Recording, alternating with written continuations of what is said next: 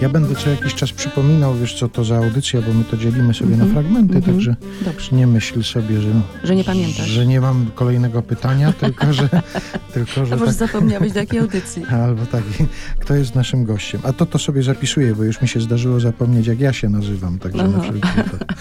Dobra, to co, zaczynamy? To są niedomówienia, czyli rozmowy niezobowiązujące w RMF Classic. Dzień dobry Państwu, Artur Andrus przed mikrofonem. Dzisiaj gościmy Beatę Rybotycką. Dzień dobry. A właściwie to Beata Rybotycka gości nas, bo jesteśmy w Krakowie, a Beata Rybotycka jest u siebie w Krakowie. Tak, tak, już lat 35 czy 6 jestem w Krakowie, bo tak jestem ślązaczką. No właśnie, a jest jakiś taki moment, kiedy zostałaś pasowana na krakowiankę i że możesz powiedzieć, że jesteś stąd? Był jakiś taki moment, który uważasz, że ta twoja krakowskość stała się już faktem? To może tak, jak, jak był taki moment, że gdzieś jeździliśmy z piwnicą pod baranami i ktoś powiedział mi, a to pani z Krakowa. To wtedy jakoś tak usłyszałam, że ktoś mnie nazwał artystką z Krakowa, tak. Wtedy. Bo tak to wiesz, zawsze jednak się czuję mocno. Więcej mieszkam już w Krakowie niż na Śląsku, ale prawda jest taka, że korzenie mam śląskie, mocne. Kocham Śląsk, lubię jeździć do, do Gliwic, do mamy, do, kiedyś do taty. Tam mam też y, brata, bratową. Także nie, nie mogę powiedzieć, że jestem taka krakuska. Mhm. No bo to zdaje się dopiero po 300 latach, No można właśnie, powiedzieć właśnie. tak naprawdę. Ale jeszcze wracając do tej krakowskości, to pamiętam, że rozmawialiśmy tu w tym studiu z Andrzejem Sikorowskim na ten temat, że jest coś niesamowitego w tym, że właściwie tylko artystów krakowskich przedstawia się mówiąc, że oni są z Krakowa, prawda? tak, ja nie wiem dlaczego, to trzeba by tych, co wiesz, co przedstawiają, tak zapytać.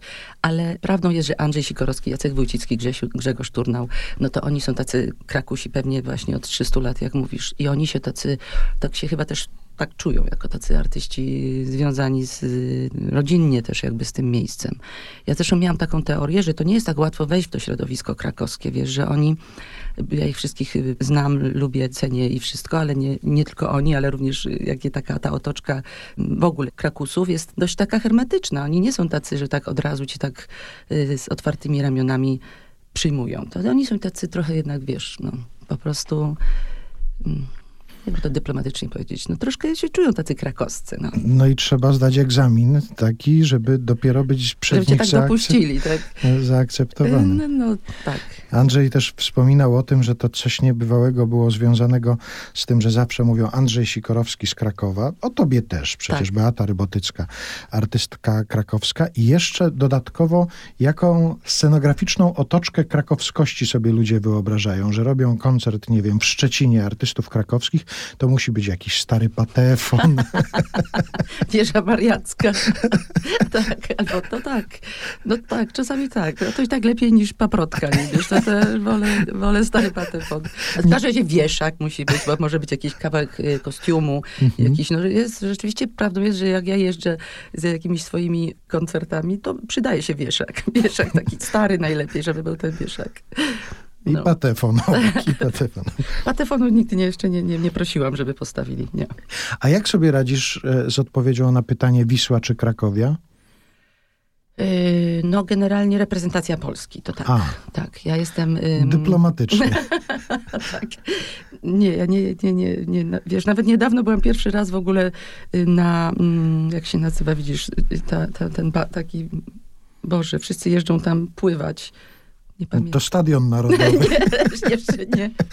Nie, gdzie to jest? Ja po prostu mało, to jest straszne, ja nie do końca tak znam Kraków, wiesz, mimo że znam tyle, tyle lat tu mieszkam, to Zakrzówek, o, je, no, są takie miejsca w Krakowie, w których ja nie byłam nigdy, a mieszkam tu rzeczywiście 30 parę lat. No i dopiero teraz niedawno mama przyjechała do mnie na, no, w odwiedziny i pomyślałam sobie, że pojedziemy zobaczyć tężnie w Nowej Hucie. I zrobiliśmy specjalnie wycieczkę do Nowej Huty, żeby zobaczyć tężnie, które tam powstały i także zwiedzam pewnie na starość, a to już będzie niedługo, będę wtedy podróżowała po Krakowie. O krakowskości troszkę sobie powiedzieliśmy. Teraz chciałem zwrócić uwagę na to, że informacjami o tobie, czy na przykład rozmowami z tobą, nie jest zapchany internet. Nie ma tego jakoś tak bardzo dużo. Ty unikasz? Nie masz ochoty na to? Czy, Czy nikt nie chce ze mną czy rozmawiać? nikt nie chce z tobą rozmawiać na przykład? Y, Myślę, że, y, że prawda leży po środku. Mhm. To znaczy, y, jeżeli zaprasza mnie Artur Andrus, to ja się zjawiam i mam ochotę porozmawiać. Są oczywiście sytuacje, kiedy nie mam jakoś specjalnie ochoty, Mhm. żeby rozmawiać. Ale jestem w ogóle zodiakalnym rakiem i jak na ten zawód, który uprawiam, to ten zodiak nie jest najlepszy. Raczej jestem taka, y, mimo wszystko, jak to się mówi, dwa kroki do tyłu, jeden do przodu. W związku z tym trochę, to, to jest takie właśnie tutaj Kraków się zgadza, trochę taka jest zachowawcza. Nie mam jakiegoś parcia takiego, wiesz, żeby Mhm. zabiegać, biegać. No jak dla tego zawodu, to może źle. Ale dlatego o tym mówię, że to jest pewne utrudnienie dla kogoś, kto się przygotowuje do takiej rozmowy, bo są tacy artyści, że sobie człowiek wpisuje ich nazwisko i internet mu wyrzuca 300 różnych propozycji, różnych jego wypowiedzi i to wtedy trochę ułatwia. Zdradzam tutaj Jak kulisy takiego. poszukiwałeś, przygotowując się do spotkania. Tak jest, że to można wtedy na przykład posiłkować się tym, że człowiek powtórzy jakieś pytanie, które kilkanaście lat temu ktoś inny A tu zadał. nie ma tak łatwo. A tu nie ma tak łatwo, trzeba na swoje zapracować, ale znalazłem takie twoje zdanie i to jest dokładną datę potem, to się pojawiło 4 listopada 2008 roku. Mówisz tak, wróciłam do teatru z wielką ochotą i wolę grać niż śpiewać. Tak powiedziałaś wtedy. Mhm. No to chciałbym ustalić, jaki jest stan na dziś. Na dziś mam takie momenty, kiedy najchętniej chciałabym siedzieć na Mazurach i patrzeć przed siebie, jak podpływają łabędzie z dziećmi, bo dzisiaj właśnie mąż mój, który akurat jest na, na, nad jeziorami, powiedział mi, że przypłynęły nasze stare łabędzie i- osiem małych łabędziątek przypłynęło już y, pod dom. Łabędziątek, bo jak powiedziałaś, że przypływają łabędzie z dziećmi, to zastanowiłem się, Z czyimi dziećmi? z czyimi Ze, dziećmi. ze swoimi właśnie. Aha. Nie, więc rzeczywiście trochę minęło i, no, i ja też pewnie się zmęczyłam trochę bardziej pracą, życiem, czy czymś, co temu w ogóle towarzyszy. Na pewno bardziej lubię grać niż śpiewać. Tym się będę dalej jakby będę te, w tym kierunku szła. Ale rzeczywiście jest taki moment, że jestem trochę zmęczona. Dużo gram w teatrze. Poza tym może też dlatego tak mówię, bo jest, bo jest za chwilę czerwiec, jest koniec sezonu. No jestem zmęczona. Mhm. Więc cieszę się, że będą wakacje, że pojadę na Mazury i tak dalej. Ale mam szczęście być w teatrze, który jest, ma fajne propozycje, mogę się w nich realizować i, i rzeczywiście miałam taki moment w życiu, że więcej śpiewałam. Potem zaczęłam z powrotem grać, bo teraz musiałabym wiesz pół życia opowiedzieć, jak to się tam działo, ale jak już się rozsmakowałam w graniu, to wolę grać w teatrze niż, niż śpiewać. I rozumiem, że możemy poinformować e, słuchaczy, że jeżeli chcą Beatę Rybotycką spotkać, to Teatr Stu w Tak Krakowie jest, zapraszam, tak. i tam jest. Ale czy idąc na studia, czy decydując się na to, że będziesz aktorką, ty wiedziałaś, że też tak mocno ci będzie towarzyszyła piosenka w tym twoim zawodowym życiu? Nie, kompletnie nie wiedziałam. Ja w ogóle do, na studia y, zdecydowałam się w maju, a w czerwcu były egzaminy wstępne, bo nie przyszłoby mi do głowy, że w ogóle zdam na takie studia. Byłam dziewczyną, która jeździła z, ze znajomymi z gitarą, śpiewałam piosenki Elżbiety Adamiak, bo ją uwielbiałam i uwielbiam do tej pory. I y, gdzieś tam, wiesz, jak to mówi Andrzej Sikorski, kaszlałam przy ogniskach. I w ogóle nie myślałam, że, że, że, że, zdam. A potem mój taki przyjaciel zdziwiony, dlaczego ja nie zdaję, przygotował mnie do tej szkoły. On zresztą był wtedy na pierwszym roku, pan Jacek Wojnicki.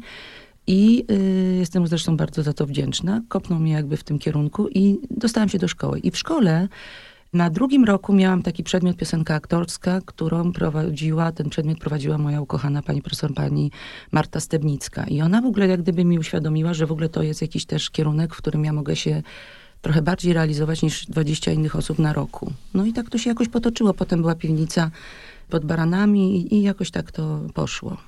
Słuchajcie, szanowne panie, szanowni panowie, najpiękniejsze wspomnienie piwnicy i to najpiękniejsze jest też plac na groblach.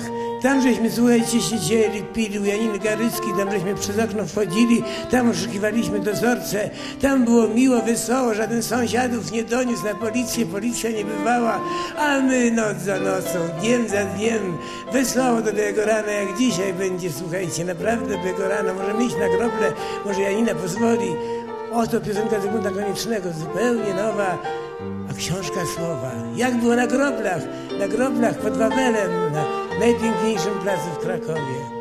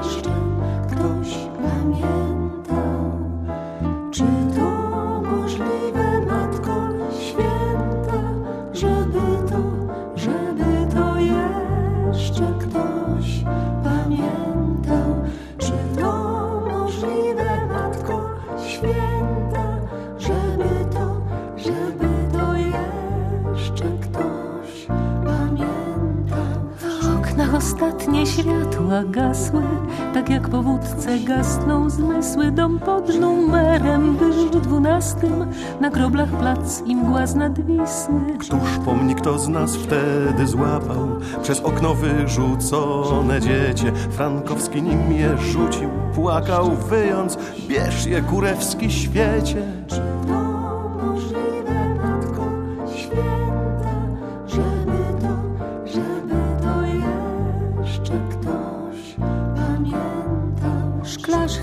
Henio zjawiał się o świcie. I wstawaj wreszcie, Piotrze, wołał, mam flaszkę, kij i jedno życie, chodźmy więc małpy drażnić w zoo. Dni sześć i nocy siedem pili Dwaj bracia, dwa nieszczęścia w parze.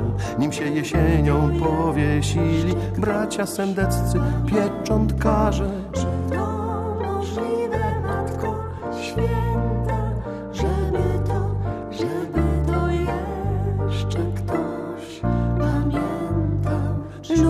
kobieta na Tarłowskiej, zbitym w biust prawy wielkim nożem, pół dnia wrzeszcząca, rany boskie, czy ktoś ten nóż mi wyjąć może? Pobielił twarz do zębów pastą Jaś pedał tuż po mszy w kościele. Potem na spacer ruszył w miasto I pies go zagryzł pod Wawelem. To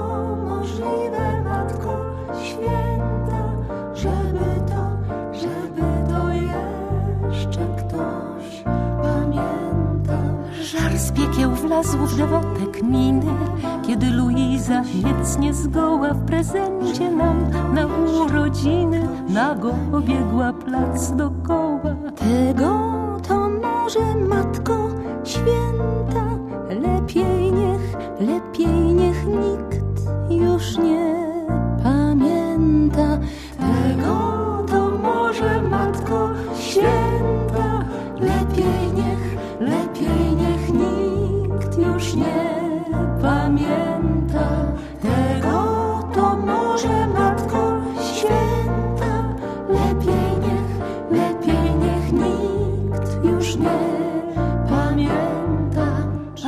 Ta mała Bóg mi świadkiem, co kochała go najdłużej, ta co to mdlała, gdy ukradkiem na parapecie kładła róże. Mrok pęczniał jak drożdżowe ciasto, drożdżówkowego warte nobla. Dom pod numerem był dwunastym nad Wisłą i plac na groblach. To niemożliwe,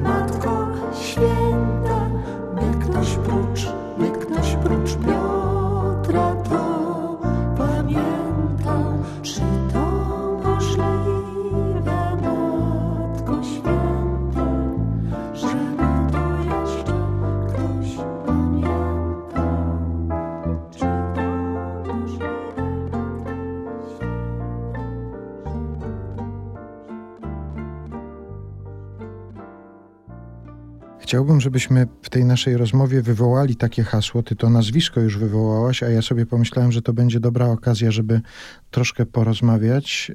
Ja sobie nawet zapisałem to w taki sposób uśmiech Marty Stebnickiej. Ja ją kojarzę z takim niepodrabialnym uśmiechem. To coś takiego, ona wychodziła na scenę, uśmiechała się do tej publiczności. Pewnie nie w każdym spektaklu, w którym grała, bo przecież grała też poważne rzeczy, ale jest takie nagranie na przykład y, benefisu Jacka Wójcickiego, gdzie ona śpiewa à la votre, madame, Tak, à la tak. votre monsieur i ten uśmiech jest nieprawdopodobny. Chciałbym, żebyś troszkę ją wspomniała, żebyśmy o niej porozmawiali. Ty o niej chętnie i dużo mówisz, ty byłaś jej asystentką też. Tak. To ona cię zaraziła miłością do piosenki francuskiej, tak? Pani Marta była w ogóle nie, niesamowitą osobą. Yy, zmarła mając lat 95 i do, do końca się ze mną, czy ja z nią miałam przyjemność się znać, przyjaźnić chyba tak, bo tak, tak to nazywała ona. I a propos uśmiechu, no najpierw oczywiście była moim profesorem, byłam, to były niesamowite czasy, bo ona, wiesz, słuchała piosenek i paliła zefira za zefirem na przykład, wiesz, były takie papierosy zefiry, prawda? I to były takie czasy, że w sali w szkole teatralnej profesor, rozumiesz, palił w trakcie, kiedy ty śpiewałaś. No tak, tak było. I Potem zaproponowała mi, żebym została jej asystentką. Zostałam asystentką na parę lat, ale jedno z najśmieszniejszych w jakimś sensie i najciekawszych rzeczy, jakie z nią przeżyłam, to był mój pobyt w Paryżu.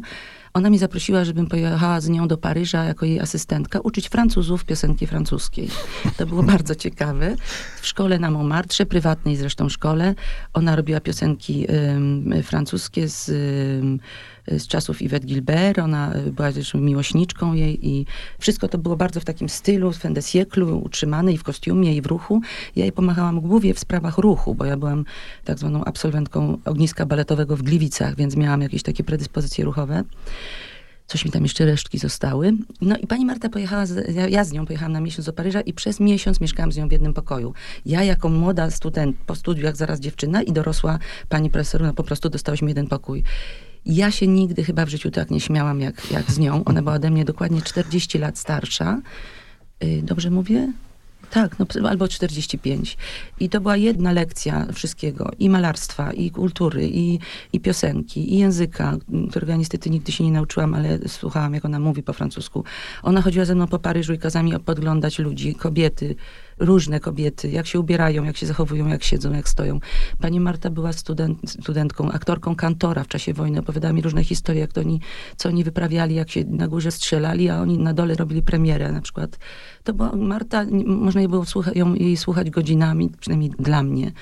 Była wielką przyjaciółką Tadeusza Łomnickiego. Przez nią zresztą poznałam pana Tadeusza Łomnickiego i potem pisałam pracę magisterską o jego pracy w Starym Teatrze, więc no, była żoną Ludwika Jerzego Kerna, więc y, to był taki wspaniały dom, do którego przychodzili wspaniali artyści. Nowosielskiego, Nowo, y, Jerzy Nowosielski był jej wielkim przyjacielem, więc to był taki świat, który już dla mnie wtedy był taki, który już, wiesz, odchodzi, a ciągle ja jest- jestem też właśnie takim kimś, kto bardzo lubi się uczyć, słuchać, słuchać, nasycać się tym, czym, tymi. Ona, jedna z wzruszających opowieści była taka, że w czasie okupacji, jak siedziała zamknięta gdzieś tam w jakimś bunkrze, czy tam, ja nie pamiętam już, gdzie to było, w Lwowie, to y, jej marzeniem było y, w ogóle kiedyś pojechać do Paryża. I Marta się uczyła na pamięć planu Paryża. I jak przyjechała do Paryża, to po prostu wszystko wiedziała, gdzie ma iść w prawo, w lewo. Po prostu znała każdą ulicę w tym Paryżu. Marta Stebnicka to jest takie nazwisko, które powinniśmy sobie przypominać.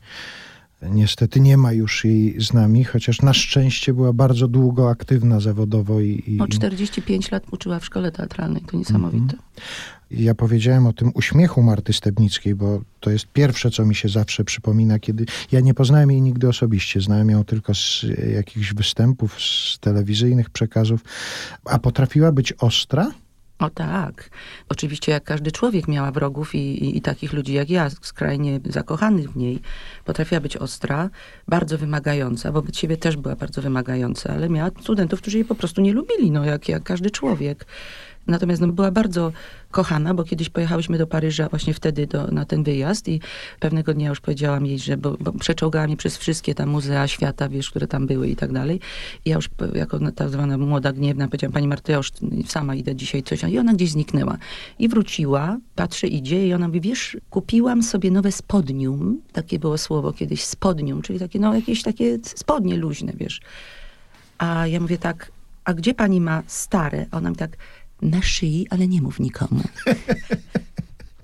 Ona, jak ona tu używa- takiego słowa, zakutana. Zakutana była w czarne spodnium, wiesz, na szyi, a, a nowe spodnium już było włożone tam, gdzie trzeba.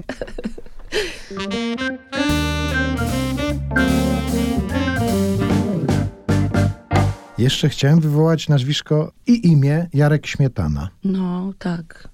bo spotkaliście się przy płycie, to znaczy płyta powstała dzięki waszej współpracy, Szurum Burum, Tak. ale to było spotkanie, które było efektem wcześniejszej waszej jakiejś długiej znajomości, czy pomysł po prostu na to, żeby się spotkać przy płycie? To jest bardzo ciekawe, bo y, myśmy się prawie w ogóle nie znali. Jarek przychodził czasami do nas do teatru coś zobaczyć. Generalnie strasznie dużo podróżował, bo on był człowiekiem, który, nie wiem, nagrał 60 płyt, czy tam nie wiem ile on tych płyt nagrał, strasznie dużo. Współpracował z różnymi ludźmi. I ja również byłam już w takim momencie życia, że już coś tam, już byłam dorosła dość, miałam męża, dziecko i, i byłam już dorosła. Ale wtedy, i nawet chyba po pierwszej płycie, którą nagrałam z moimi ukochanymi pieśniami Jana Kantego Pawluśkiewicza, to była taka rejestracja recitalu naszego w teatrze. I on chyba vis-a-vis, bo to jest taka kawiarenka w Krakowie, gdzie się spotykało środowisko krakowskie i artystyczne, bo nie chciałam powiedzieć boemy, no krakusów, artystów. I pan Piotr Skrzynecki tam oczywiście przesiadywał z całą piwnicą mm, codziennie. To Jarek tam przychodził również na kawkę. No i przy którejś kawce coś do mnie tam tego zagadał i mówi, słuchaj, może byśmy zrobili płytę. To Jarek to zaproponował. Ja mówię, ale jaką płytę, z czym płytę, co my będziemy nagrywać na tej płycie? On mówi tak, słuchaj, umówmy się za 10 dni, ty zrób listę 20 utworów, które ty lubisz, a ja zrobię też listę 20 utworów. No i to było bardzo słodkie, bo myśmy się spotkali za dwa tygodnie i połowa prawie tych piosenek, bo to były, mówiliśmy, że to będą polskie piosenki, no może nie połowa, może sześć na, na, wiesz, na 19. No to i tak było bardzo dużo. Y, No i postanowił, że okej, z- wszystko wymyślił. Jarek był bardzo przedsiębiorczy. I wyprodukowaliśmy przez teatr tą płytę, nazwaliśmy ją Szurum Burum. No i potem graliśmy w teatrze przez parę lat taki recital z jego ekipą, z jego muzykami wspaniałymi. Recital się też nazywał Szurum Burum. No a potem Jarek się rozchorował i, i zniknął z naszego życia. Ale to też ciekawe, co się przy tej płycie wydarzyło, bo to nie było tak, że on udżezowił te piosenki. On trochę wyszedł poza swój świat i ty trochę wyszłaś poza swój świat przy tej płycie. Tak, ja troszkę musiałam się też inaczej, y, jak to mówię na skróty, przestać smędzić, tylko trochę trzeba było tam zaśpiewać, tak jakby inaczej, szerzej, no po prostu inaczej. I, i to mi też do, bardzo dobrze zrobiło, myślę. No i tak została nasza taka wspólna płyta.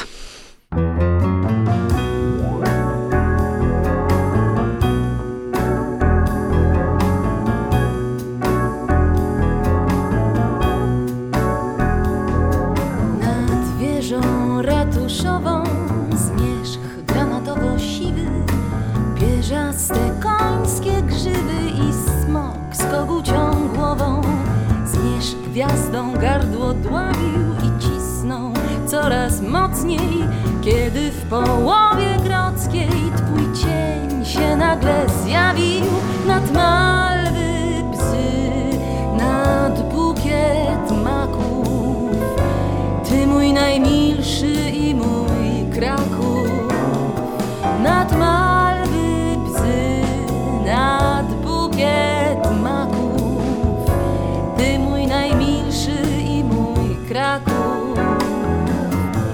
Strażak w kaszkiecie złotym Strażacką trąbkę niańczył. Gołębie ucząc tańczyć Kadryla i fokstrota Trębacz się zarumienił Hejnał w pół nuty kończąc Gdy dojrzał jak się plączą ze sobą Nasze cienie nad malwy Nad bukiet maków Ty mój najmilszy i mój Kraków. Nad malwy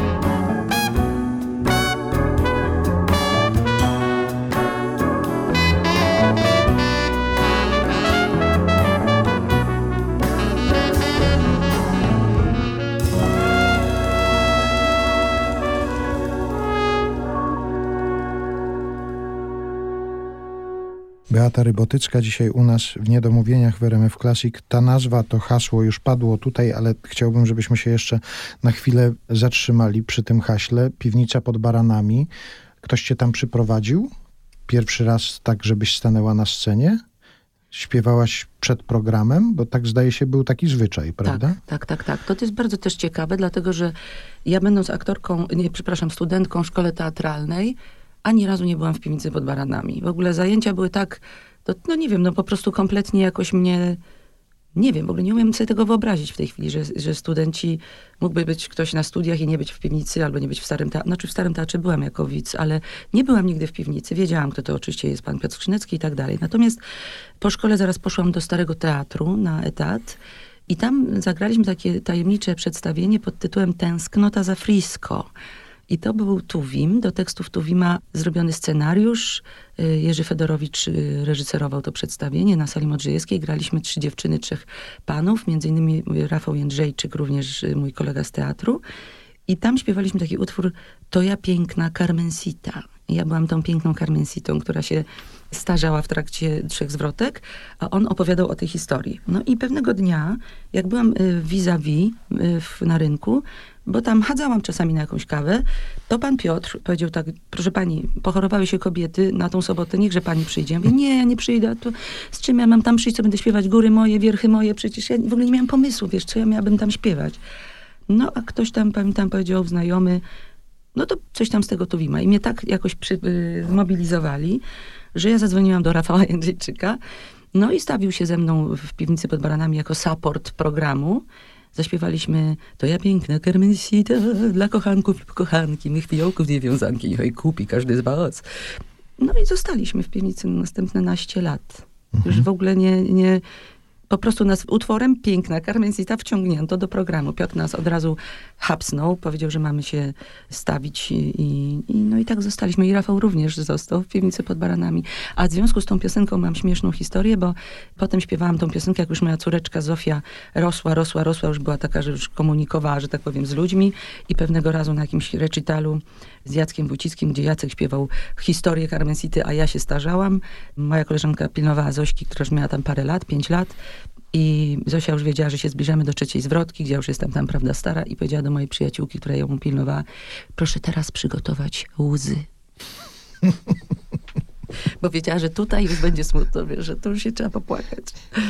No i zostałam w piwnicy. Potem się zaczęła wspaniała przygoda współpracy z Grzegorzem Turnałem, który zrobił taką historię z życia królewskiego wazów do tekstów Janiny Garyckiej. Grzegorz napisał cudowną muzykę i myśmy z tymi wazami dość długo występowali. Ja tam zaśpiewałam też bardzo wszystko to jest taki przypadek, życie takie, pełno jest takich przypadków. Śpiewałam coś, co się nazywało Ludka Śmieszka. No i wymyśliłam ją, że będę ją po prostu z taką szczęką wystającą śpiewała takim półseplenem, coś takiego, nie wiadomo co. No i tam śpiewałam, ale ta Ludka Śmieszka była wesoła i mądra. I potem się dowiedziałam, że Habsburżanki bardzo często miały takie szczęki. Wiesz, i to po prostu było prawie, że wiesz, wy- wyjęte z, no, żywcem z historii jakby. Więc Grzegorz, potem Jan Kanty Pawluśkiewicz równocześnie, potem moje cudowne, cudowna, trwająca do dzisiaj przygoda z nieszporami ludzimierskimi, z którymi objechaliśmy no, całą Polskę i wiele miast w Ameryce, Kanadzie. Nieszpory ciągle są jeszcze grane. Będziemy teraz je grali w Ludzimierzu w sierpniu. Po 33 latach. Dzisiaj sobie przypomniałem przed tym naszym spotkaniem jeszcze takie nagranie, w którym Piotr Skrzynecki, zapowiadając pewną piosenkę, przyznaje się, że zawsze przy niej płacze. Tak. Pamiętasz, o którą chodziło? Tak, to jest taka piosenka moja ukochana. Normalnie ma tytuł, Włodzimierz Dulemba napisał tekst do tej piosenki. Jan Kanty Pawluśkiewicz muzykę. Tytuł prawdziwy jest Zbudzisz się przy mnie, a myśmy ją nazwali Czas. I Piotr ją zawsze tak zapowiadał. Ja ją śpiewałam przez wiele, wiele lat, a teraz ta piosenka się znalazła w programie, nie w programie, tylko w spektaklu, który właśnie miał niedawno premierę w teatrze, Labirynt, czyli 13 bajek dla dorosłych, według Michaela Endego. I tam muzyka Jana Kantego Pawluśkiewicza, w, w tym przedstawieniu jest cała muzyka Jana Kantego Pawluśkiewicza i ten czas jest również śpiewany przez moje dwie młodsze koleżanki bardzo pięknie.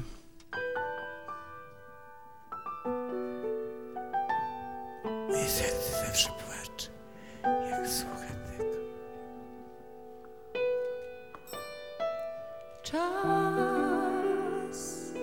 dla nas już płynie i zanim noc minie, Zbudzisz się przy mnie jak kwiat snu. Będziemy ty i ja zaplatać warkoczy zorzyna. Nowe świtanie jasnego dnia. Na nowe wstawanie płatka róży. Na nowe czekanie spadania gwiazd. Na nowe spadanie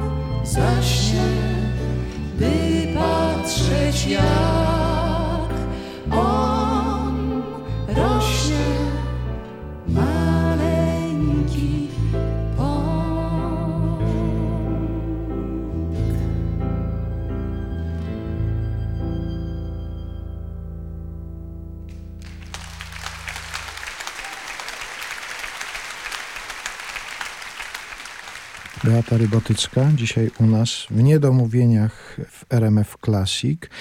Trochę nam się tutaj pojawiło już tych takich tropów twoich zawodowych współprac, tak to nazwijmy. To jeszcze tutaj musi paść to nazwisko Jacek Wójcicki. Wy właściwie dalej sobie podróżujecie po świecie, po kraju i śpiewacie ludziom piosenki. Tak, my z Jackiem, Jacek kiedyś był tak dobry i zaprosił mnie do swojego recitalu jako taką artystkę, no bardzo właśnie mało, mało jeszcze aktywną, bo Jacek już wtedy był gwiazdą w piwnicy pod Baranami, bo wygrał chyba festiwal we Wrocławiu, czy, czy miał drugie miejsce, już nie pamiętam dokładnie, ale bardzo to ta sekretarka we Wrocławiu była ważnym takim jego, momentem w jego życiu. No i Jacek poprosił mnie o to, żebym y, była gościem jego recitalu. I potem zaczęłam się tak trochę rozpychać w tym recitalu, rozpychać, on się na to zgadzał.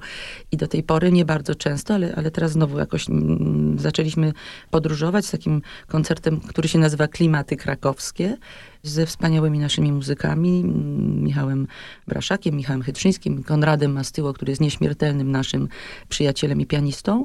I wieszak i patefon, tak? Ta, I o patefon nie, my Ale tylko zawsze wieszak. wieszak. Musi być. Wieszak. I właśnie byliśmy w Olsztynie na, na bardzo fajnym koncercie i parę mieliśmy w tym, w tym sezonie takich wyjazdów. Także z Jackiem się przyjaźnię rzeczywiście od 30 lat i no i w Nieszporach Ludzimierskich miałam okazję być z Jackiem. Z Jackiem no, przeżyłam dużo przygód jeżdżąc po Polsce i po, po świecie. No, jak ci się któraś otwiera, to opowiadaj. Bardzo chętnie sobie posłuchamy tych waszych przygód. Wiesz, Jacek bardzo często opowiadał anegdotę o mnie, która się wydarzyła kiedyś w Bydgoszczy.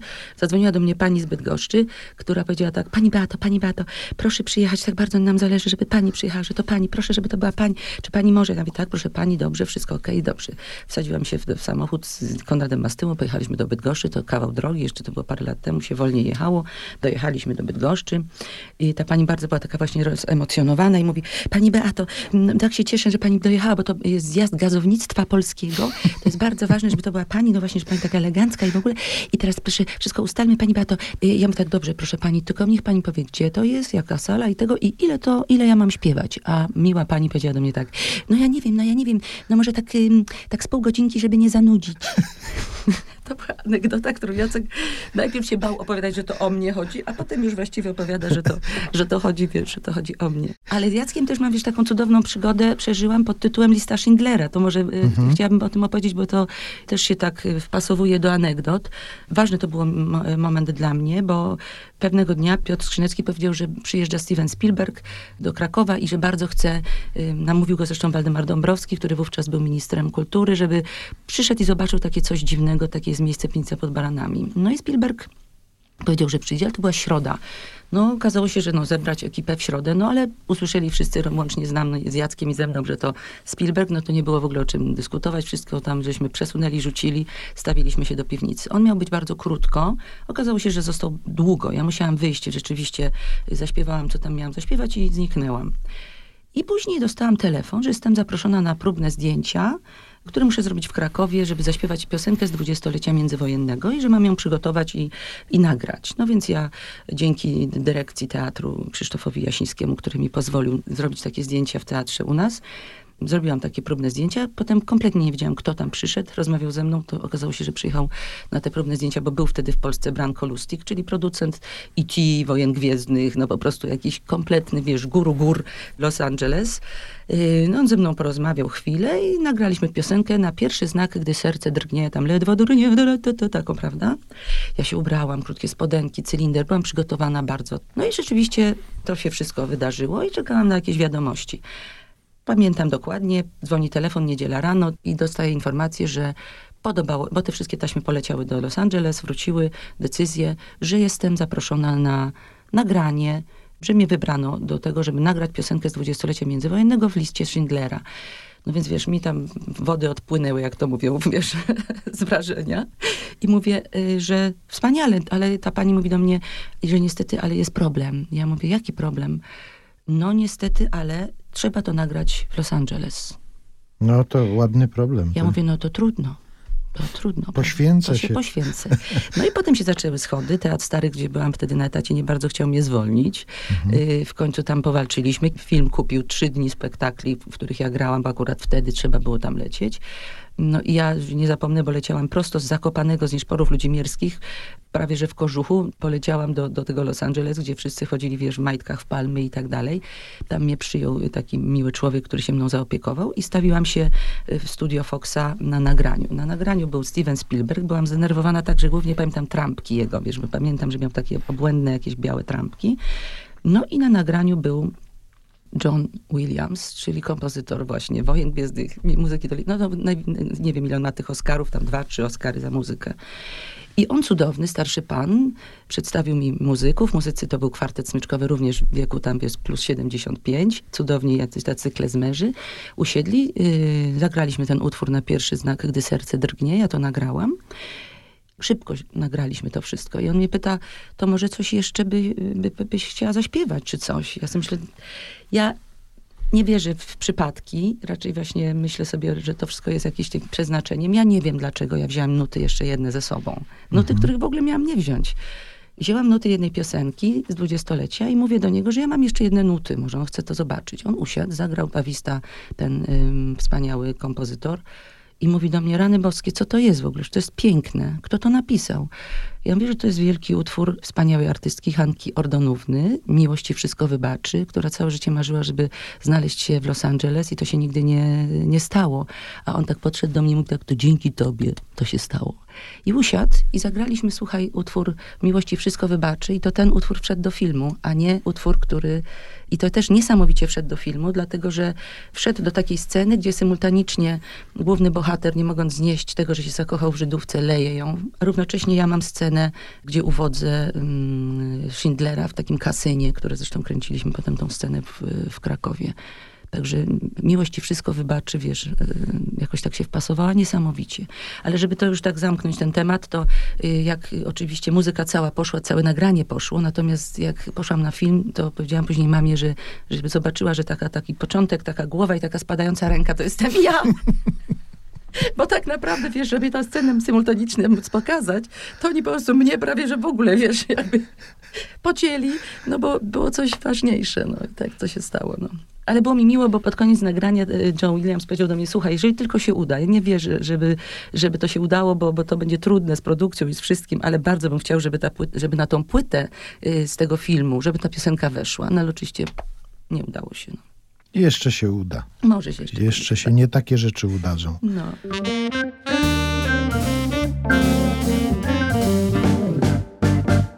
Beata Rybotycka dzisiaj u nas w Niedomówieniach w RMF Classic.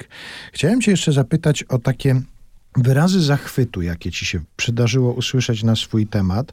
Ja wiem, że to czasami może niezręcznie jest do takich rzeczach mówić i może nieskromnie, ale o takie niebanalne, bo jedna z piosenkarek usłyszała od kogoś, że jest nieunikniona na przykład. A. A dlatego o tym pomyślałem, że kiedy powiedziałem komuś z moich znajomych o tym, że będę dzisiaj rozmawiał z tobą, to usłyszałem historię wujka tej osoby, który to wujek gdzieś kiedyś w jakimś lokalu gastronomicznym siedział koło ciebie i potem opowiadał wszystkim w rodzinie, że on nigdy nie przypuszczał, że będzie siedział koło Beaty Rybotyckiej.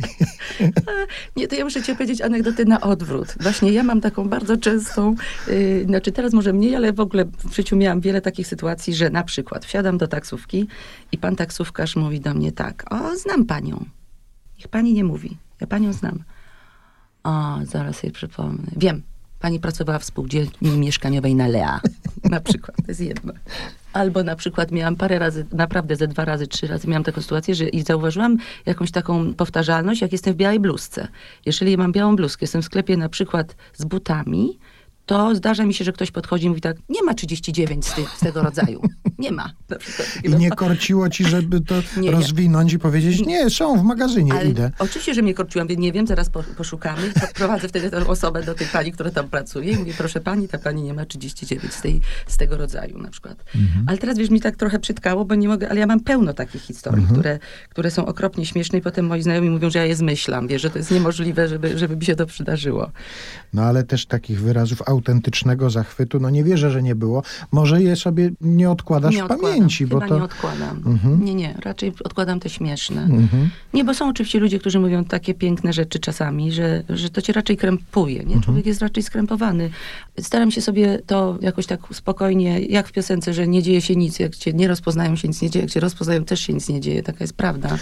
Żeby mieć jakiś taki spokój, wiesz, w środku, nie? A to już niekoniecznie na poziomie komplementu, ale jeżeli chodzi o te sprawy zawodowe, kto ci najwięcej o tym twoim zawodzie powiedział i czy powiedział coś takiego, co ci zostanie na zawsze w pamięci? To z czasem bywa tak, że ktoś usłyszy jakieś jedno zdanie albo coś takiego konkretnego na temat tego. To znaczy jedno zdanie, jak powiedziałeś, to teraz mi się od razu przypomniał Jerzy Trela, który niedawno obchodziliśmy rocznicę śmierci Jerzego. Jerzy nie był moim nauczycielem. Był bardzo bliskim przyjacielem mojego męża i w związku z tym blisko też jakby naszej rodziny i naszego teatru, bo kiedyś w Teatrystu w ogóle zaczynał, co jest też bardzo ważne dla historii naszego teatru. Jerzy mówił na pewno mnóstwo ważnych rzeczy na temat teatru i pracy, natomiast jedno z, z takich, które się ciągle powtarza młodym ludziom, jak się denerwują i siedzą w kulisach, to Jurek zawsze mówił tak, dziecko, Przecież to jest tylko spektakl, a nie bitwa o Wietnam.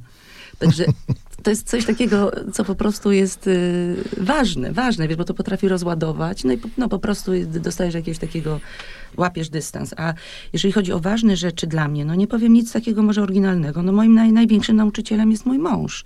Po prostu ja uważam, że on jest wspaniałym pedagogiem. Umie nauczyć tego zawodu. Nie jest łatwy, nie jest y, łagodny kocha aktorów i w związku z tym zrobi wszystko, żeby aktor, który jest pod jego opieką, którego wybierze, był jak, naj, jak może być najlepszy w swojej roli. Bezlitosny dla mnie, jeżeli chodzi o, o takie układy, o właśnie opowiem anegdotę. Siedzimy wszyscy w jakimś takim, spo, na, na, takim spotkaniu, on coś tłumaczy, już bardzo czasami potrafi trudnie też tłumaczyć, już się, ja mówię, przebija przez nieboskłon i moja przyjaciółka mówi tak, Beata, zapytaj się o co chodzi. Zapytaj się o co chodzi.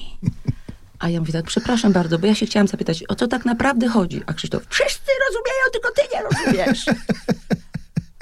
Więc wiesz, bardzo dużo jest takich momentów. Robiliśmy kiedyś Becketa, trudne przedstawienie, szczęśliwe dni Becketa, no kobieta siedzi w kopcu i umiera, opowiada o swoim życiu i tak dalej. No jest, jest to prawie, że monodram. Towarzyszył mi cudowny Konrad Mastyło jako mój mąż, który obserwuje to odchodzenie. No ale jednak to jest praca, wiesz, no półtorej godziny aktorka mówi, mówi, mówi, mówi. I mój mąż, który siedzi naprzeciwko mnie, to było parę lat już po naszym, e, trwało małżeństwo i praca z nim, wsadził mnie w ten kopiec, od, tak odsunął się ileś metrów ja zaczęłam coś mówić, grać, a on mówi tak, rany boskie, przecież ty masz, nie masz górnej wargi, to wszystko jest martwe, martwa górna warga, martwa. Ja po prostu myślałam, że zwariuję. Konrad powiedział, że to była w ogóle praca prawie, że na granicy, wiesz, rozwodu. No i wróciliśmy do domu po tej takiej trudnej tam próbie. No i wiesz co, zjedliśmy obiad i ja tam coś zmywam naczynia, a on do mnie mówi tak, a jak ci dzisiaj poszła próba? Ja mówię tak, ale przecież byłeś na tej próbie. No tak, no wiesz, ale ja się ciebie teraz pytam jako mąża, nie jako reżyser. No więc on twierdzi, że jakby się nie miesza, wiesz, w pracy ze mną. Na pewno nie jest jakby w jakimś sensie spolegliwy, wręcz przeciwnie. Dobrze, że o tym opowiadasz, jak wygląda praca w teatrze tutaj w Krakowie, bo ja myślę sobie, że jest spora grupa ludzi, którzy podejrzewają artystów krakowskich, że wy właściwie to tak sobie tylko chodzicie na kawę, przychodzicie na rynek, siadacie, patrzycie w księżyc. Karmimy gołębie. Tak, tak karmicie gołębie i to się samo, samo dzieje, samo się zrobiło. A tu się okazuje, że jednak trzeba popracować i potem mąż musi zapytać w domu, jak, jak, jak poszła próba. Tak. Tak, tak. No bo rzeczywiście tak, ty w pewnym momencie powiedziałaś, że to granie, powrót do teatru to się stało najważniejsze na pewnym etapie. I to jest teraz, rozumiem, też najważniejsze, jeżeli chodzi o tę część zawodową Twojego życia. Tak, ja miałam taki moment, że przez 10 lat byłam aktorką w Starym Teatrze, potem wzięłam urlop y, na własne życzenie i ponieważ było dość dużo wyjazdów, dużo wyjazdów z piwnicą i potem po prostu już zrezygnowałam z etatu przez parę lat w ogóle nie grałam. Tak jakby mój mąż tak się mi przyglądał i sprawdzał. Naprawdę nie grałam, będąc żoną reżysera i dyrektora teatru przez dobrych parę lat. I potem, jak już, za, jak już zaczęłam, zresztą rolą komediową, y, w takiej komedii Zbyszka Książka, to właściwie już po prostu zaczęłam y, grać. I mam to szczęście, że gram w pięknych rzeczach, bo gram na przykład Gertrudę Królową w Hamlecie. Gram przez wiele lat Marię Lebiatkinę w Biesach, takim bardzo ważnym dla teatru u nas y, przedstawieniu. Gram w Podstolinę Malowidło nieco stare w Zemście Fredry. Gram teraz w nowej tej sztuce Labirynt. No po prostu w jakichś ośmiu y, w tej chwili tytułach teatru, w których gram bardzo różne rzeczy, wymagające ode mnie różnej, y, różnych takich transformacji, które zresztą ja kocham, bo na przykład w Trzech Siostrach gram Amfisę, która ma lat tam powiedzmy 80 i są znajomi, którzy przychodzą, y, bo mówią, że to jest niemożliwe, znaczy niemożliwe. No po prostu, że to jest bardzo coś innego niż to, co za chwilę muszę zagrać albo stanąć stanąć w sukni wieczorowej, wiesz, w, w, w recitalu, a tam jestem kompletnie kimś innym.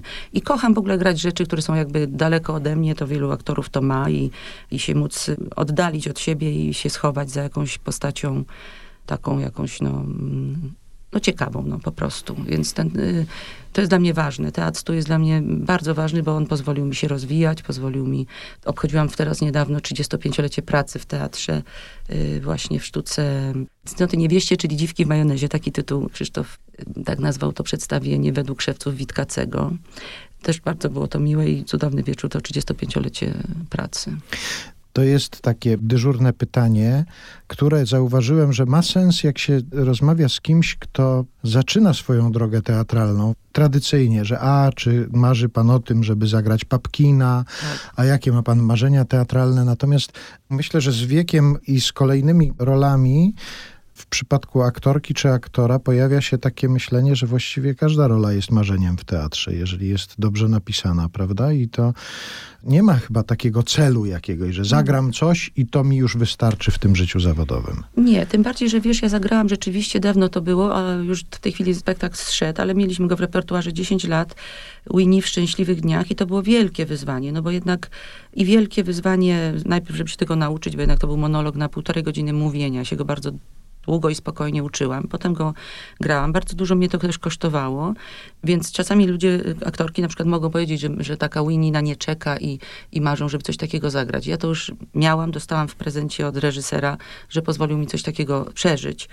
Teraz y, jesteśmy przed y, komedią Dell'arte, czyli to też się cieszę bardzo z tego, dlatego że to jest materiał, z którym ja nigdy nie miałam do czynienia. Będzie praca z maską, coś, czego kompletnie nigdy nie robiłam. I mamy obóz taki właśnie specjalnie przygotowawczy do tego. Mm, Będziemy się uczyć ruchu, ciała, właśnie pracy z maską. Myślę, że gdy, jeżeli mogę powiedzieć, że coś bym chciała, to chciałabym zagrać w Molierze. W takiej bardzo właśnie, y, nawet tradycyjnie zrobionym pięknie Molierze, gdzie trzeba się pięknie mówić, mieć piękną samogłoskę, mieć dobrą artykulację. Wszystko to, co w tym warsztacie zawodowym jest y, ciągle do pracy i ciągle potrzebne. I ciągle, wiesz, mąż mówi mi, że, że leniwe to wszystko jest, artykulacja jest leniwa, leniwa jest. Mm, Także, no... Wszystko myślę, że jeszcze przede mną. To jeszcze powinniśmy ustalić, którą samogłoskę musisz mieć piękną. On mówi, że mam najgorsze i. Ale za to, jakie masz spektakularne A. Yy,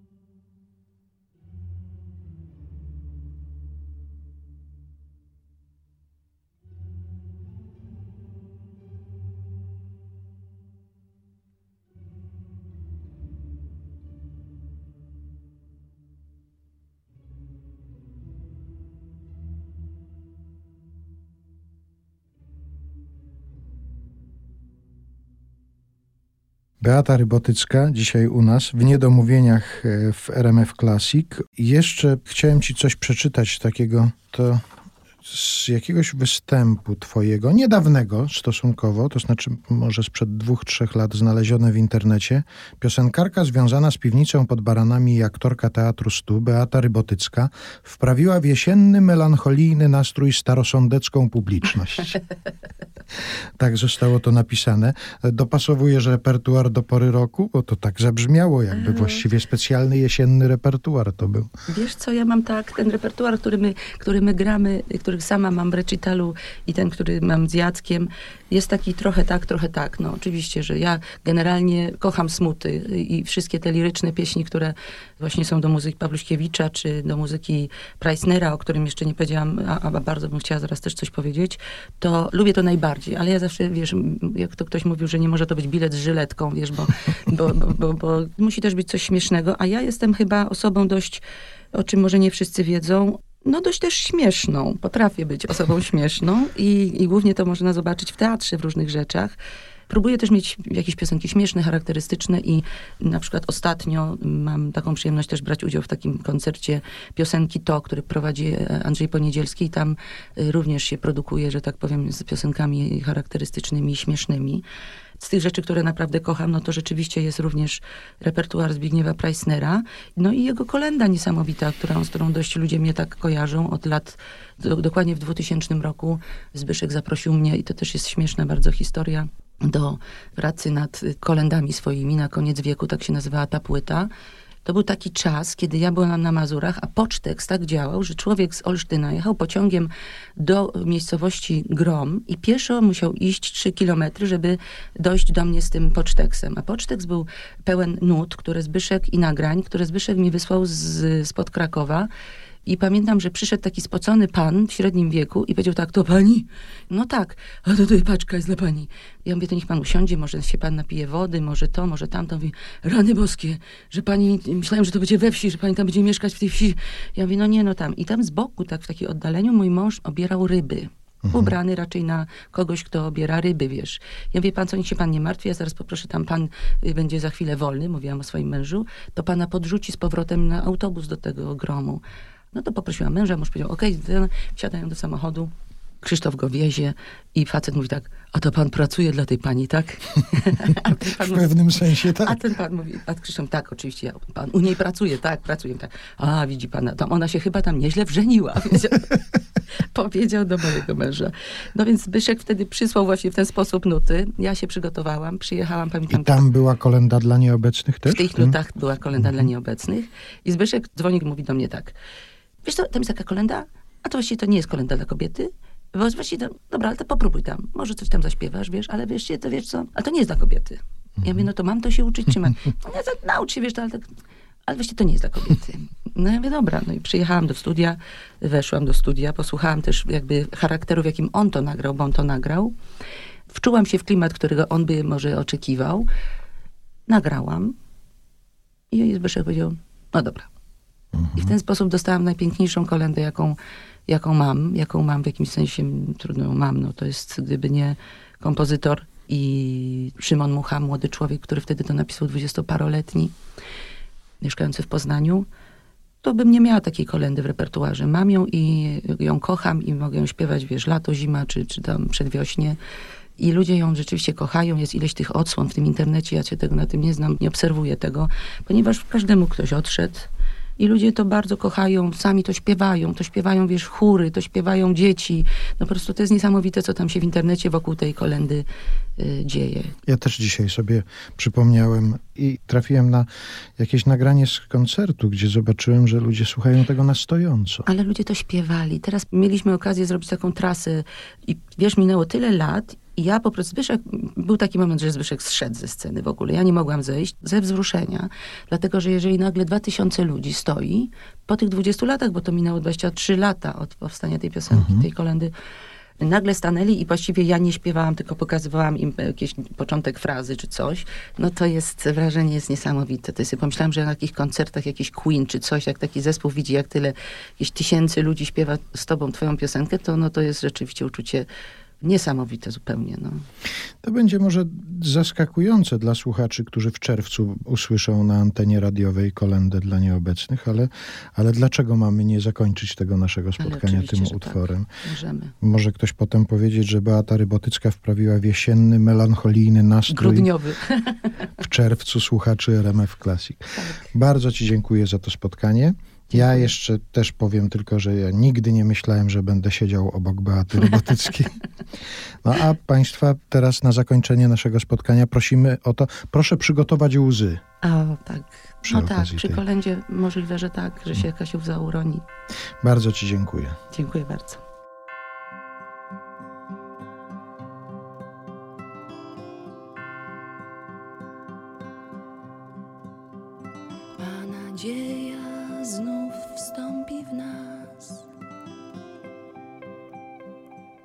Nieobecnych pojawią się cienie. Uwierzymy kolejny raz. W jeszcze jedno Boże Narodzenie. I choć przygasł świąteczny gwar, bo zabrakło znów czyjegoś głosu, przyjdź tu do nas i z nami trwaj. Wbrew tak zwanej ironii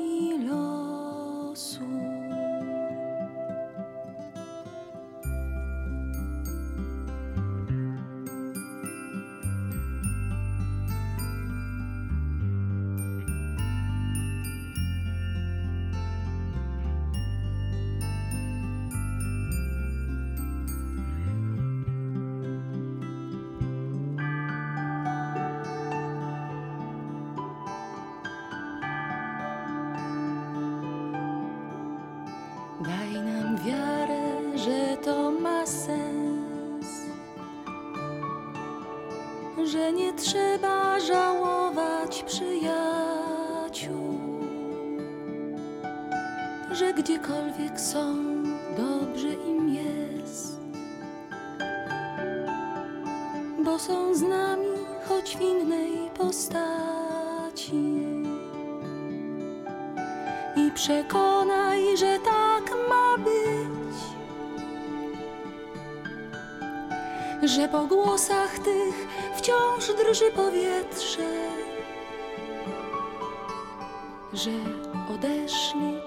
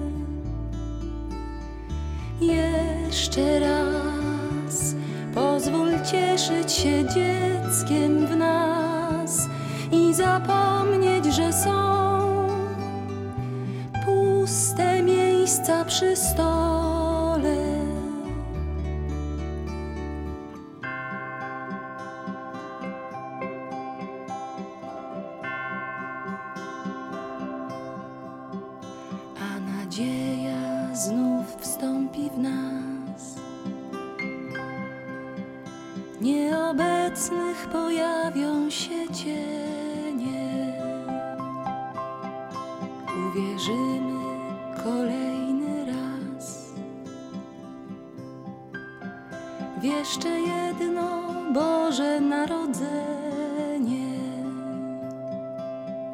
I choć przygasł świąteczny gwar, bo zabrakło znów czyjegoś głosu,